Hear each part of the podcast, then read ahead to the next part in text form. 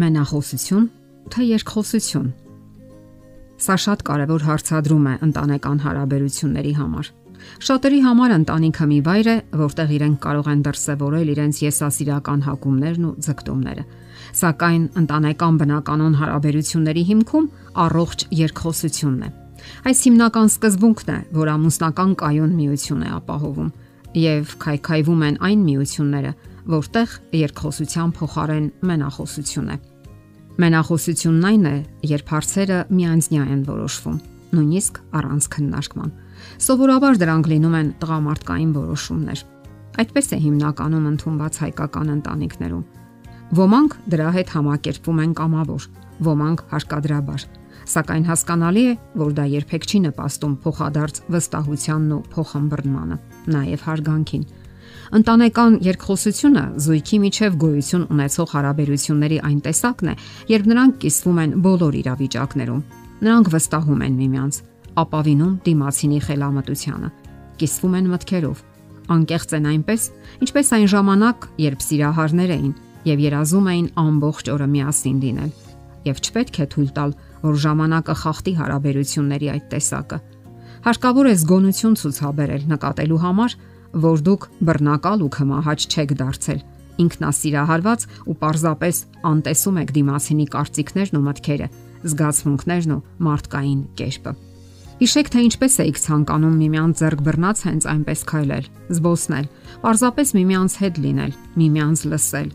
Իսկ ինչպես էիք հմայված դիմացինի արտակինով, նրա ժպիտով, աչքերի փայլով, ինչպես էիք ցանկանում իմանալ նրա կարծիքը այս կամ այն հարցի վերաբերյալ Զրուցում էիք անverջ առանց հագենալու, պատրաստ էիք իրար հետ լինել առանց հոգնելու, լսել դիմացինին։ Հենց միայն նրա ձայնն արդեն ուրախություն էր ձեզ համար։ Միշտ պետք է լսել դիմացինին։ Դա ամուսնական հաջողության կարևոր գաղտնիքներից մեկն է։ Լսել դիմացինին, երբ նա ուրախ է։ Լսել, երբ նա տխուր է։ Լսել, երբ նա ցանկանում է կիսվել իր մտահոգություններով ու պարզապես երազանքներով Լսել ոչ թե համակարգչի հերոստացույցի արչև անշարժացած կամ թերթը зерքին, այլ ուրشادիր։ Լսել ոչ թե համակերպված ու զսպված անհամբերությամբ, այլ կենտրոնացած։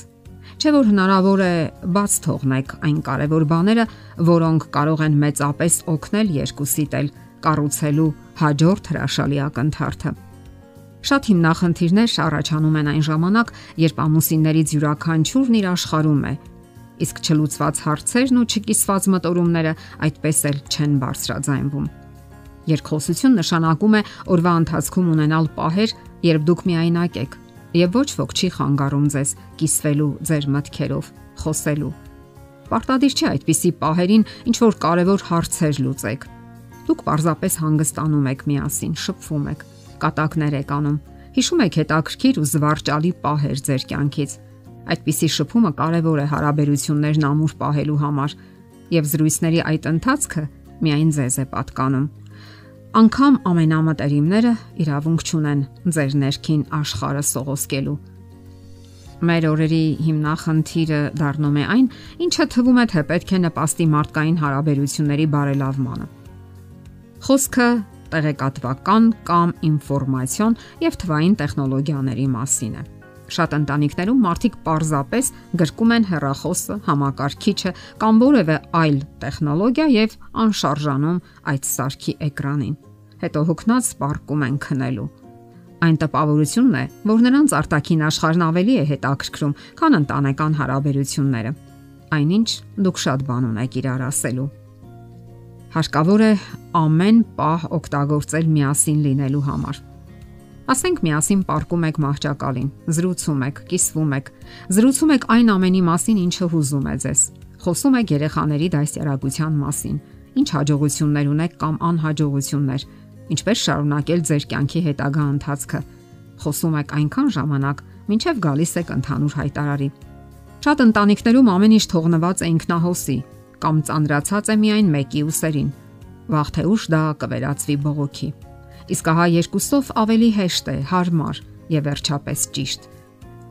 Երբ դուք զրուցում եք, շատ ակնհայտ բաներ են կասկածի ենթարկվում, որոնց մասին անգամ չէիք էլ կասկածում։ Գաղտնիք չէ, որ շատ տղամարդիկ գերադասում են ոչ թե խոսել, այլ գործել։ Դա գալիս է տղամարդկային բնույթից։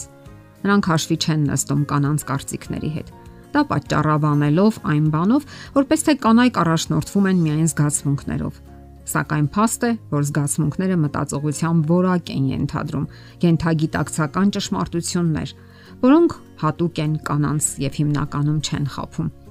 Եվ շատ դեպքերում միայն չոր հաշվարկները առանց զգացմունքների հետ հաշվի նստելու թույլ չեն տալիս գտնելու ճշմարտությունը։ Իսկ ձեզ հարկավոր է, որ երկխոսությունների ընթացքում որոնեք ու գտնեք ճշմարտության հատիկը։ Միայն տրամաբանությամբ դատելու դեպքում մեր կյանքը պարզապես հոգսերի անընդմեջ շարան կլիներ։ Կլինեին միայն դրամական հիմնախնդիրներ եւ մշտապես դրանց լուծման ուղված բարդություններ։ Սակայն ընտանիքի նպատակն ու հիմքը առողջ երկխոսությունն է եւ բնականon հարաբերությունը, որովհետեւ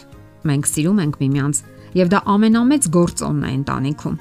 Ահա թե ինչու ոչ մի հարց հնարավոր չէ լուծել, եթե այդտեղ չկա սեր, կարեկցանք, գթասրտություն, գեղեցկություն, ուշադրություն, հոգատարություն եւ այլ զգայական գործոններ։ Իսկ տղամարդն ու կինը արարված են այնպես,